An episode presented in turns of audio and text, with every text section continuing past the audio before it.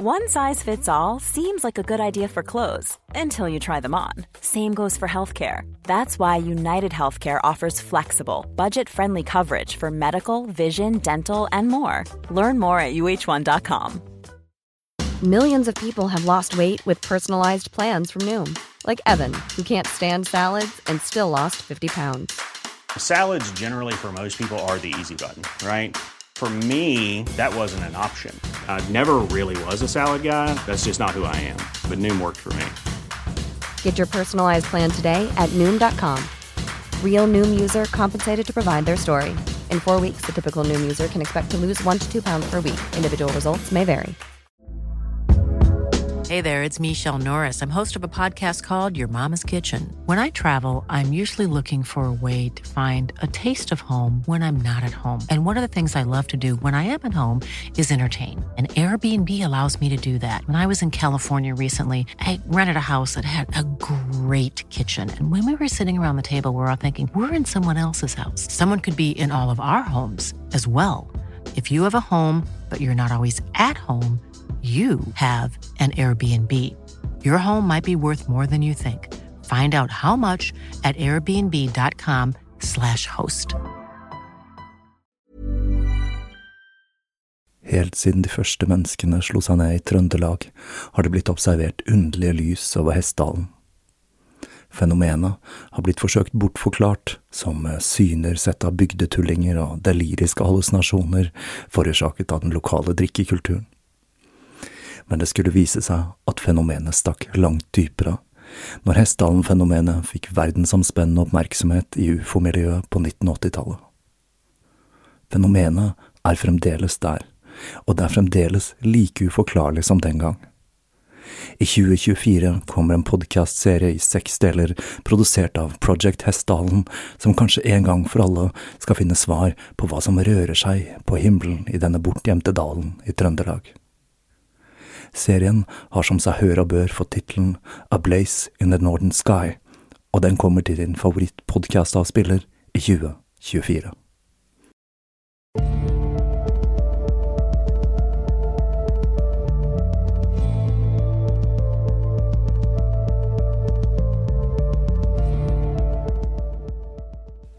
Hei og velkommen til Tåkeprat. Jeg heter Even, og når jeg tar opp denne episode 129, så er det tirsdag den 31. mars 2020. Som jeg sa i forrige episode, så registrerer jeg hvordan hele denne pandemien påvirker meg selv psykologisk. Selv så er jeg en av de heldige. Ikke er jeg syk, og ikke sitter jeg i karantene. Men siden sist så er det som om hele tilværelsen har skiftet gir. Det er en smule overraskende for meg men nå som jeg har ufrivillig fri og forsøker å holde meg lengst mulig unna folk, så blir tilværelsen mer og mer preget av en underlig rastløshet, som om det hele tiden er noe jeg skulle ha gjort. Selvsagt så har jeg mange ting å pusle med, og normalt så er ikke dette noe problem for meg i det hele tatt. Og det er derfor det er så rart med denne rastløsheten. Hvor enn mye jeg gjør, så føles det ut som om det er et hull i hverdagen, uansett hvor mange timer jeg bruker på å gå i skauen, lese eller skrive. Bare det å binge serier når det ikke er jul eller påske, er noe som føles helt feil, og som jeg må tvinge meg selv til å gjøre. I går så lyktes jeg endelig med dette, og fikk trålet meg gjennom de to første sesongene av Castlevania på Netflix. En serie jeg lenge har hatt på hatt lyst til å se-lista, men har følt jeg ikke har hatt tid til. Jeg har brukt mye tid på å filosofere om hvordan dette vil endre verden i tiden etterpå, sosialt og økonomisk, på godt og vondt noe som har ført til mange søvnløse netter, til tross for at jeg vet at dette ikke er nødvendig, da fremdeles mye er svært usikkert, og vi nok vil få en mykere landing i Norge enn mange andre steder som ikke har en fungerende velferdsstat. Kanskje alt dette skyldes den kontinuerlige strømmen av koronanyheter, som nå har pågått i så lang tid at det har begynt å dukke opp hva jeg vil beskrive som korona-agurknytt. Så langt så har jeg fått med meg at Hviterusslands strategi mot covid-19 er vodka og badstue, og at USA har definert våpenbutikker som kritisk infrastruktur under utbruddet. Det jeg forsøker å si her, er vel det at um, i alle fall for meg, så er det bedre å bytte ut nyheter med vampyrserier bare for sykens del. Men tåkeprat holder i alle fall gående. Den er et fint holdepunkt i hverdagen. Som mange av dere sikkert har lagt merke til, så kommer denne episoden midt i uka. Nå i disse dager så blir det nok til at episodene kommer til å komme på litt ulike dager, ettersom skillet mellom hverdag og helg blir mer og mer utydelig. Og det skjer jo andre ting også. I disse dager så har jeg lansert noe så spesielt som en egen tåkeprat-skjeggpomade. Dette er et prosjekt jeg holdt på med siden midten av januar, faktisk, og det hele startet med at jeg begynte å sysle med å sette sammen en egen skjeggpomade, da jeg ikke fant en som var helt perfekt for meg. Dette er ikke noe jeg selv er spesielt uh, flink til, og jeg snakket med en venn om dette, og ble tipset om en bekjent av henne som driver med naturkosmetikk, og nettopp har syslet med ting som skjeggpomader. Vel, jeg tok kontakt med denne damen, Vivian, og etter en lengre periode med testing og prøving, så sitter jeg nå med den første batchen av skjeggpomaden Gammelskogen, og jeg må si jeg er ekstremt fornøyd med denne. For det første så er konsistensen akkurat sånn jeg ønsker at den skal være, og for det andre så lukter den skikkelig som norsk skog, eller skogbunn er kanskje mer riktig, med en spesielt tung duft av einer. Men uten at man går rundt og lukter som en vondobam, altså. Her er det brukt ekte eteriske oljer. Jeg har gått inn for at det kun skal brukes det aller beste av ingredienser, og har valgt kvalitet for å få til et så bra produkt som overhodet mulig. Selve produksjonen av produktet er det selvsagt Vivian som står for. Jeg bare tester, syns og mener. Dette dreier seg altså om et håndlaget kosmetisk produkt, og siden dette er første batchen, så har jeg også håndnummerert hver eneste av boksene. Det som er litt irriterende her, er at etiketten jeg bestilte, viste seg å være akkurat et par millimeter større enn boksene, så dette har ført til at jeg måtte skjære hver enkelt etikett med barberblad. Ingen krise akkurat, og det gir meg jo litt ekstra å gjøre i disse dager, og gir et mer unikt preg til produktet. Så for de av dere med skjegg, eller som liker menn som lukter einer, så er denne nå tilgjengelig fra tåkeprat.com, så lenge beholdningen rekker. Som sagt så bruker jeg denne selv, og jeg er nok min egen største kunde. Men nå skal vi igjen tilbake til middelalderen, og til en dame som neppe brukte skjeggpomade, men kanskje luktet litt av einer, når vi begir oss i kast med den andre delen av serien om Hildegard av Bingen. I denne episoden skal vi se hvordan Hildegard klarte å klatre i det sosiale hierarkiet, og hvordan hun ble en av de største religiøse autoritetene i samtiden.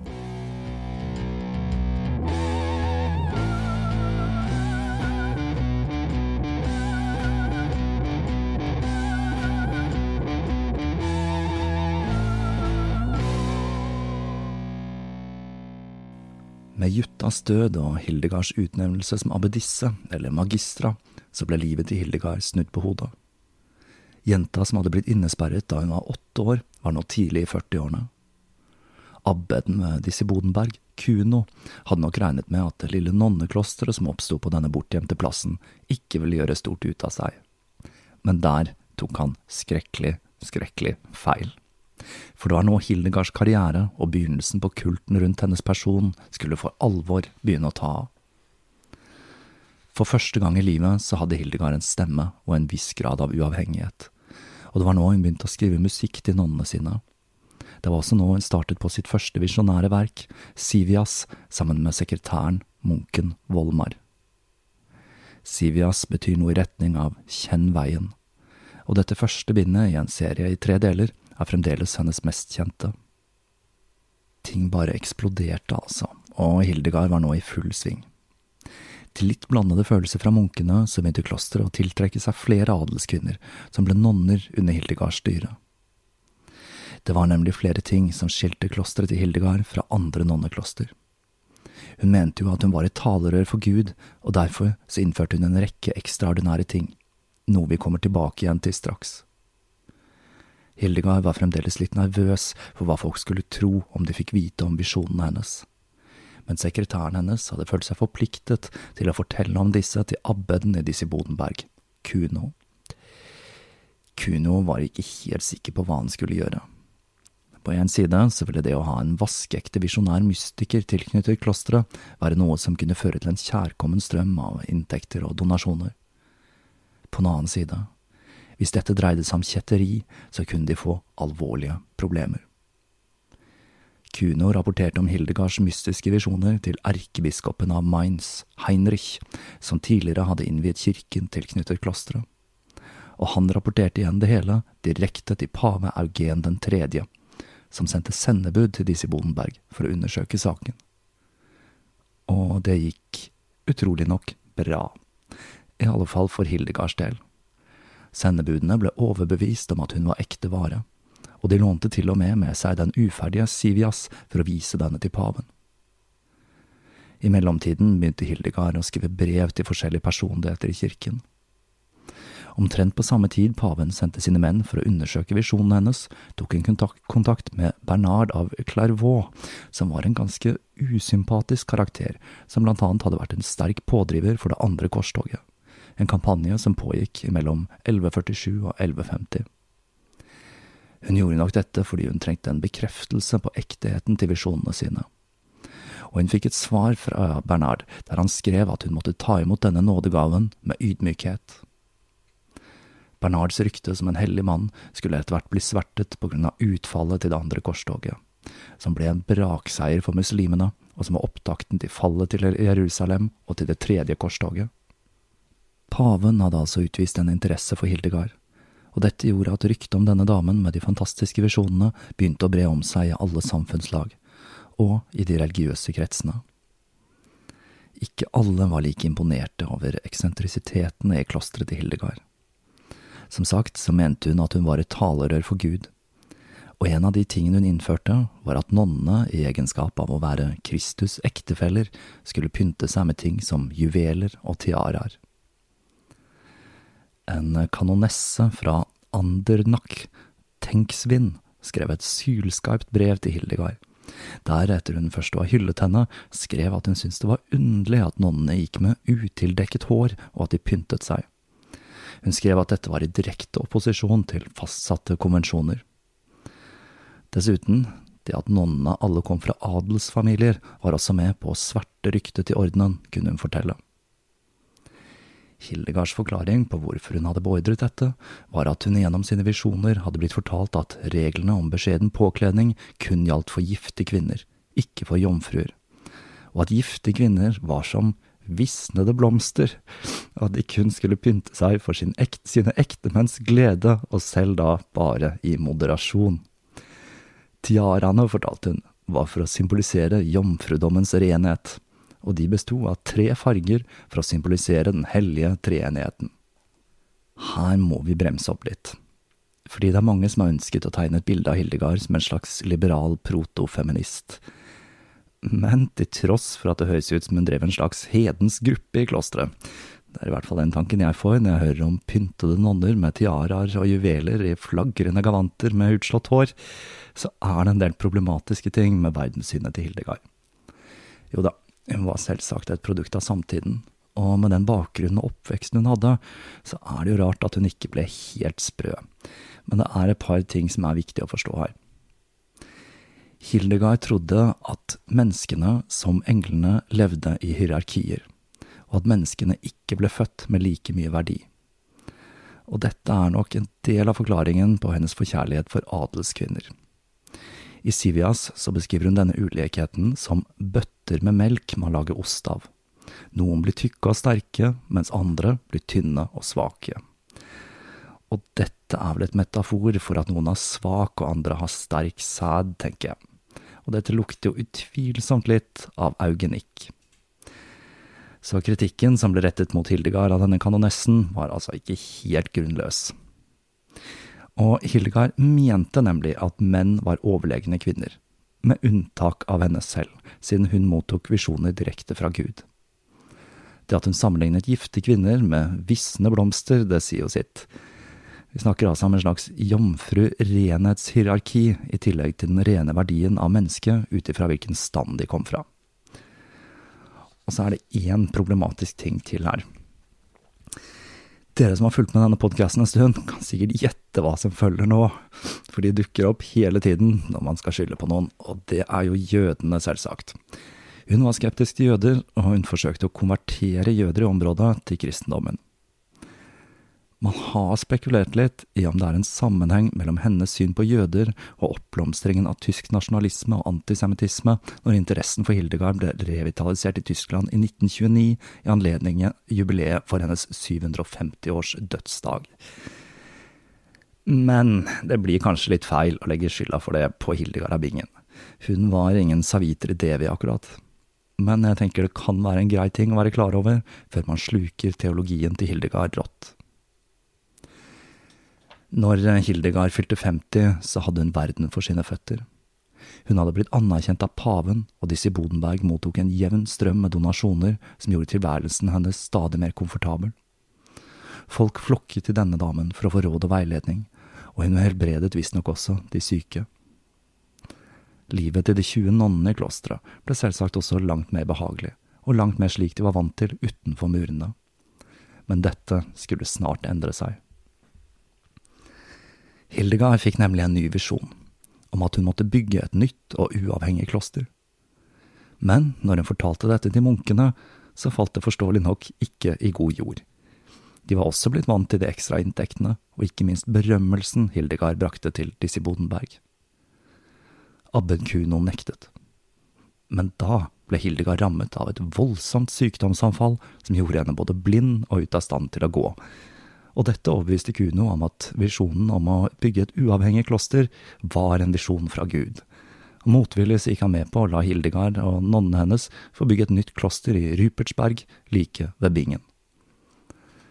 Disse sykdomsanfallene til Hildegard, hvor hun tilsynelatende var døden nære, får meg til å tenke på Helena Blavatsky, som også ble svært syk hver gang det skjedde store endringer i livet. Men det må jo sies at Helena selvsagt slår Hildegard i og med at hun tryllet fram røde roser rett ut fra løse luften.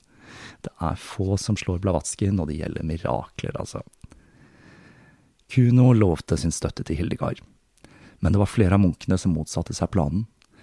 En av disse var en munk ved navn Arnold, som ledet et internt opprør mot planen om å bygge et eget kloster til nonnene. Historien går slik at han ble rammet av en mystisk sykdom som gjorde at tungen hans svellet opp, og når han sa at han ikke lenger skulle stille seg i veien for planene, så ble han på mystisk vis frisk. Hvordan han klarte å fortelle dette med en tunge som visstnok var så hoven at han ikke klarte å lukke munnen, det er uvisst. Og det samme gjaldt for øvrig Hildegard, som plutselig til alle store forundring ble helt frisk når Kuno aksepterte planen. Ja ja, det har fremdeles ingen røde roser, altså. Hey, it's Ryan Reynolds, and I'm here with Keith, co star of my upcoming film, If, only in theaters, May 17th. Do you want to tell people the big news? All right, I'll do it. Sign up now and you'll get unlimited for $15 a month in six months of Paramount Plus Essential Plan on us. Mintmobile.com slash switch. Upfront payment of $45 equivalent to $15 per month. Unlimited over 40 gigabytes per month. Face lower speeds. Videos at 480p. Active Mint customers by 531.24 get six months of Paramount Plus Essential Plan. Auto renews after six months. Offer ends May 31st, 2024. Separate Paramount Plus registration required. Terms and conditions apply if rated PG. Millions of people have lost weight with personalized plans from Noom, like Evan, who can't stand salads and still lost 50 pounds. Salads, generally, for most people, are the easy button, right? For me, that wasn't an option. I never really was a salad guy. That's just not who I am. But Noom worked for me. Get your personalized plan today at Noom.com. Real Noom user compensated to provide their story. In four weeks, the typical Noom user can expect to lose one to two pounds per week. Individual results may vary. I det herrens år 1150 førte Hildegard sine nonner til deres nye tilværelse i bingen. Den opprinnelige skepsisen til nonnene ble snart erstattet av forundring når de ble mottatt som kongelige med sang og dans i alle landsbyene de gikk gjennom på vei til bingen.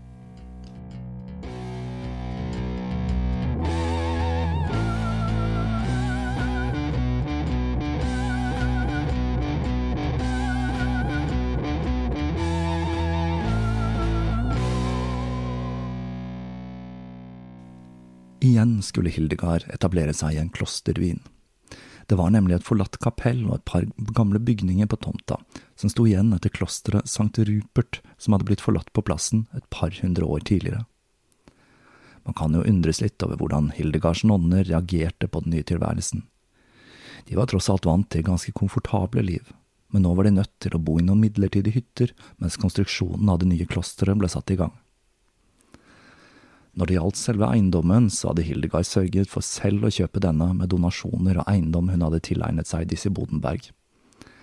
Og støtten fra lokale miljø, og da spesielt rike familier, skulle også være til stor hjelp. Hildegard og søstrene tilbød blant annet gravplasser og bønner for de døde i bytte mot penger. De fikk også ei mølle i gave, og denne skulle være en viktig inntektskilde, i tillegg til selvsagt å være viktig for matproduksjon. De kummerlige forholdene ved klosteret så ikke ut til å ha virket spesielt avskrekkende på de lokale adelsjentene, da flere valgte å legge fra seg sitt hverdagsliv for å bli en del av Hildegards flokk. Helt uavhengige av disse Bodenberg var de ikke.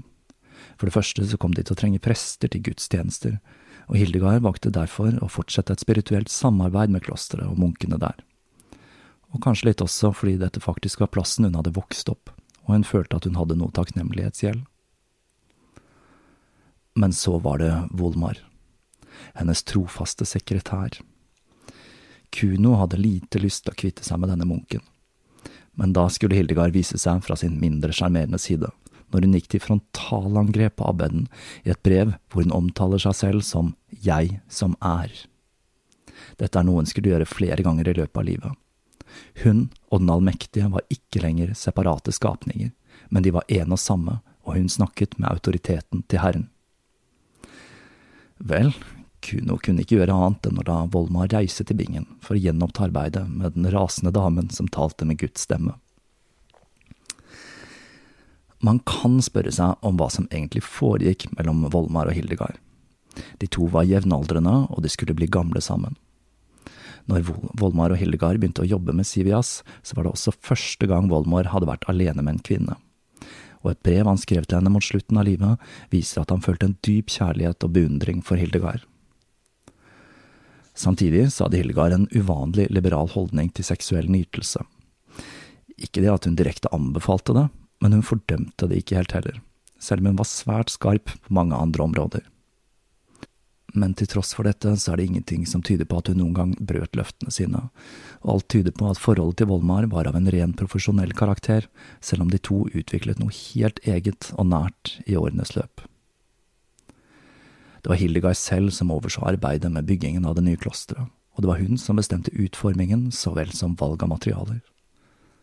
Nonnene måtte selvsagt segregeres fra hordene av mannlige arbeidere, i hva som etter hvert skulle bli et svært eksklusivt kloster med innlagt rennende vann i alle verksted.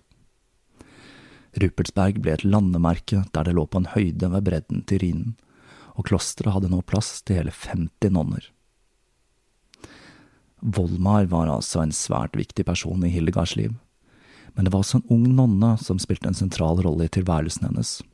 Ricardis von Stad, en datter av en adelskvinne og en slektning av Jutta. Og i likhet med forholdet til Volmar, så er det mange som har stilt spørsmål om dette kunne ha dreid seg om et romantisk forhold. Ricardis fikk nemlig et tilbud om å bli abbedisse i klosteret Bessum, som lå langt fra Rupertsberg. Denne utnevnelsen var veldig underlig. Hun var nemlig 20 år yngre enn Hildegard, og dette var en voldsom utnevnelse for ei sånn ung nonne. Og det var nok litt ugler i mosen her. For broren til Ricardis var ingen ringere enn erkebiskopen av Bremen, og det virker som om han trakk i trådene for å få innsatt sin søster som abbedisse. Hildegard ble rasende på grunn av dette, og beskyldte Ricardis for å ha skaffet seg posisjonen på uredelig vis. Hun kjempet med nebb og klør for å beholde denne unge nonnen, og som hun ofte gjorde, så gikk hun helt til topps og skrev til paven om saken. Som et av de få eksemplene der paven faktisk svarte en kvinne på denne tiden, så fikk hun et brev fra en pave som virket litt lei av forespørslene hennes, og som skrev at det å forsøke å overstyre kirkens prosedyre og hierarki var uklokt, og han ba om at hun ikke måtte la seg styre av sin egen ambisjon. Så ble hennes gamle støttespiller, erkebiskopen av Mainz, Heinrich, trukket inn i det hele. I et brev så ber han henne, med sin autoritet som biskop, om å slippe fri Ricardis med en eneste gang. Han skriver at dersom hun etterkommer denne befalingen, så vil han utvise stor takknemlighet, men dersom hun nekter, så vil han gå hardere til verks. Men Hildegard, hun blånektet, og henviste til at hun var et talerør for Gud Hun ga seg altså ikke på tørre møkka i denne saken. Etter det så gikk hun til frontalangrep på broren til Ricardis, og insinuerte at han forsøkte å bortføre henne, selv om alt tyder på at jenta selv hadde lyst til å dra, og til slutt så ble det til at hun dro til Bessum. Man kan jo saktens spørre seg, hvorfor var hun så besatt av denne ene unge nonnen? I brevene hun skrev for å forsøke å holde på henne, viser hun seg fra en ekstremt emosjonell og personlig side man sjelden ser fra Hildegard. Når alle forsøk på å få støtte fra kirkens autoriteter feilet, så skrev hun til slutt et brev til Ricardis, et brev som må kunne beskrives som et sårt, bittert kjærlighetsbrev. Hildegards voldsomme følelser for Ricardis har av noen blitt tolket dit hen at hun var lesbisk, selv om det skulle være sånn at disse følelsene ikke fikk et fysisk utløp. Selv om det er sjeldent, man anså kvinner for å være seksuelt passive, så finnes det enkelte kilder som beskriver lesbisk kjærlighet i europeisk middelalder. Men her må det sies, Hildegard var ganske krass i sin omtale av homofile og lesbiske. Hun skrev En kvinne som plukker opp djevelske vaner og tar den mannlige rollen i et forhold med en annen kvinne, er det mest vederstyggelige i mitt åsyn, og likeså med hun som underkaster seg en slik ond handling så det blir jo bare spekulasjoner, dette. Men uansett hva som egentlig skjedde mellom de to, så varte ikke denne konflikten så veldig lenge, men den skulle få en tragisk slutt. I 1152, kun to år etter Ricardis hadde forlatt Hildegards side, skrev hennes bror et brev der han fortalte at søsteren plutselig og uventet hadde avgått med døden. Brevet bærer preg av en ydmykhet som viser at han kanskje følte at Hilgards voldsomme motstand mot at Ricardi skulle bli abbedisse, hadde hatt en dypere årsak, og at Hildegard hadde forutsett hennes død dersom hun takket ja til den nye stillingen. Og det er jo en smule tragisk, og ikke utenkelig, at Ricardis selv tenkte det samme før hun døde. Mens Hildegard sørget over dette tapet, så skjedde det store forandringer i Europa. Keiser Konrad 3. døde og ble fulgt av Fredrik Barbarossa, også kjent som Fredrik 1., som fikk navnet etter sitt jordbærblonde skjegg. Han brukte jo sikkert skjeggpomade, da. Det ble sagt at når han ble satt inn, så ble himmelen fylt med ravner som et tegn på en ny daggry for det tyske riket, og Fredrik regnes som en av de største keiserne i middelalderen. I Roma skulle det også skje store ting. Den første engelske paven, Nicholas Breakspear, som tok navnet Hadrian den fjerde, ble innsatt. Fredrik dannet en allianse med denne nye paven, og Hildegard hun benyttet anledningen til å gratulere begge to med de nye stillingene. Fredrik Barbarossa svarte Hildegard, og inviterte henne til sitt nye palass. Og det ble starten på et vennskap, der den 20 år eldre Hildegard ga råd til Fredrik. Men dette vennskapet skulle raskt kjølne og det skulle surne skikkelig når Hadrian 4. døde i 1159 og Fredrik skulle motsette seg den nye paven. Fredrik fikk også avsatt Hildegards gamle støttespiller Heinrich, erkebiskopen av Mainz, siden han hadde motsatt seg innsettelsen til Fredrik. Hildegard forsøkte å gripe inn, men uten å lyktes. Og samtidig med alt dette så var hun i en disputt med Abel Kuno om uavhengighet til Rupertsberg, og på hvilken måte hun kunne støtte Rupertsberg økonomisk. Alle disse konfliktene ble litt i overkant for Hildegard, som slet med sykdom og stress i denne perioden. Men Kuno og Hildegard begravet stridsøksa når det ble åpenbart at den gamle abbeden var døden nære. Og den nye erkebiskopen av Mainz bekreftet til slutt den økonomiske uavhengigheten til Hildegard og nonnene hennes, og ga dem også muligheten til fritt å kunne velge en ny abbedisse etter hennes død.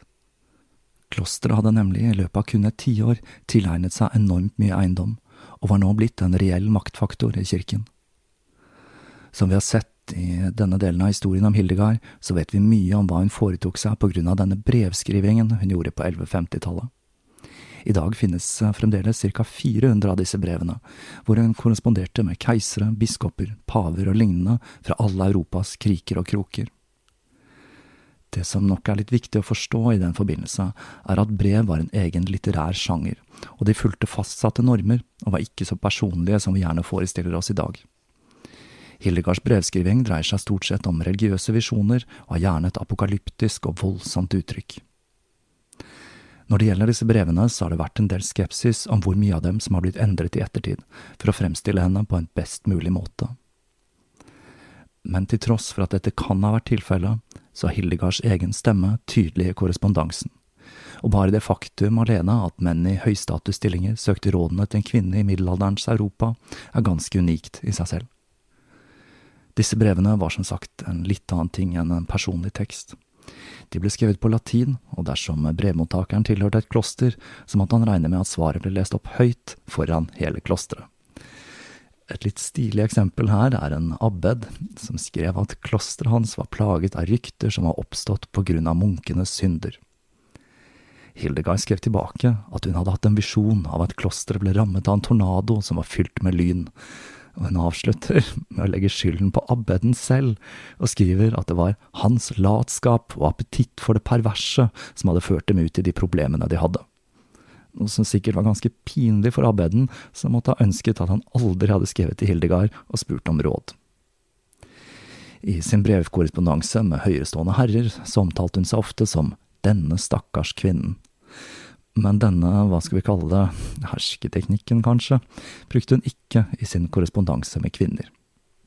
Og en av de artigste kvinnene hun korresponderte med, var den ikke helt ukjente Elisabeth av Schönhaug, som på samme måte som Hildegard hadde kraftige visjoner.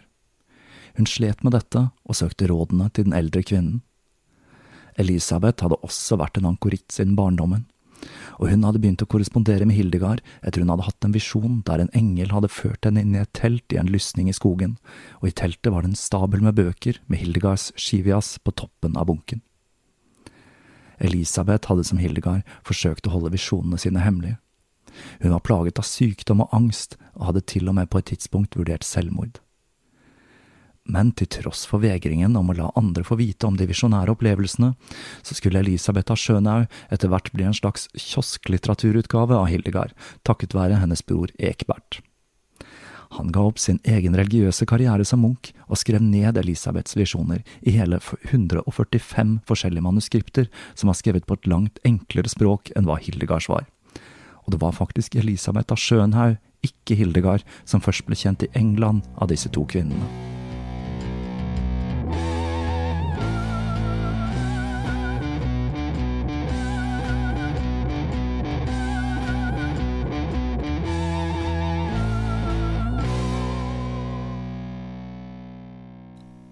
Det var alt jeg hadde for denne gang.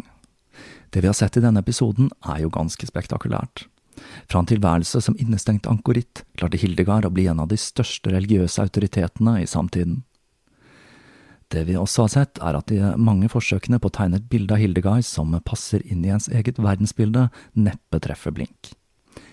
Jo, som en så mektig autoritet som samtidig var kvinne i europeisk middelalder, så var hun unik men det betød ikke at hun var liberal i sitt syn på den regjerende samfunnsstrukturen.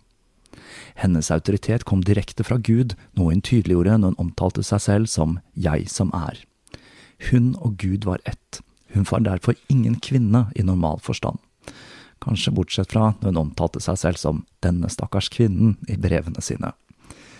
Det er i det hele tatt en del selvmotsigelser i Hildegards verker, men det kan kanskje fort bli sånn når man er Guds eget talerør. Det er også fristende å forsøke å male et bilde av et hemmelig kjærlighetsforhold i denne fortellingen. Enten til sekretæren Volmar eller til nonnen Ricardis. Men det fins ingen konkrete beviser på at det eksisterte et slikt forhold, så det blir bare spekulasjoner. Men Hildegard gjorde mer enn å etablere et kloster, skrive brev og krangle med erkebiskoper. I første episode så omtalte jeg henne som en polymatt eller en multikunstner, og akkurat det skal vi se litt nærmere på i neste episode. Frem til da så vil jeg oppfordre til å tipse om tåkeprat i disse tider hvor mange plutselig befinner seg i en hverdag med mye ekstra tid. Og igjen så vil jeg minne om skjeggpomaden som nå er tilgjengelig fra tåkeprat.com. Dette er altså ikke et masseprodusert produkt, men er utviklet spesielt for meg og Tåkeprat. Som vanlig så vil jeg rette en stor takk til alle dere patrions, og jeg håper alle dere lyttere har en bra hverdag selv om vi går gjennom vanskelige tider. På gjenhør.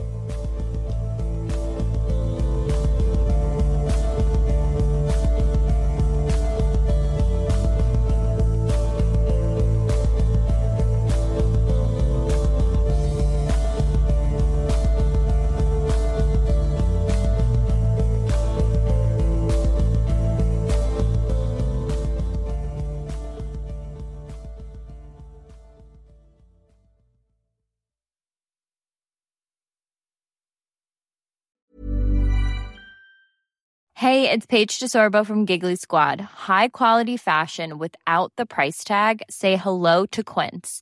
I'm snagging high-end essentials like cozy cashmere sweaters, sleek leather jackets, fine jewelry, and so much more. With Quince being 50 to 80% less than similar brands. And they partner with factories that prioritize safe, ethical, and responsible manufacturing. I love that. Luxury quality within reach. Go to quince.com slash style to get free shipping and 365 day returns on your next order. Quince.com slash style. Even when we're on a budget, we still deserve nice things.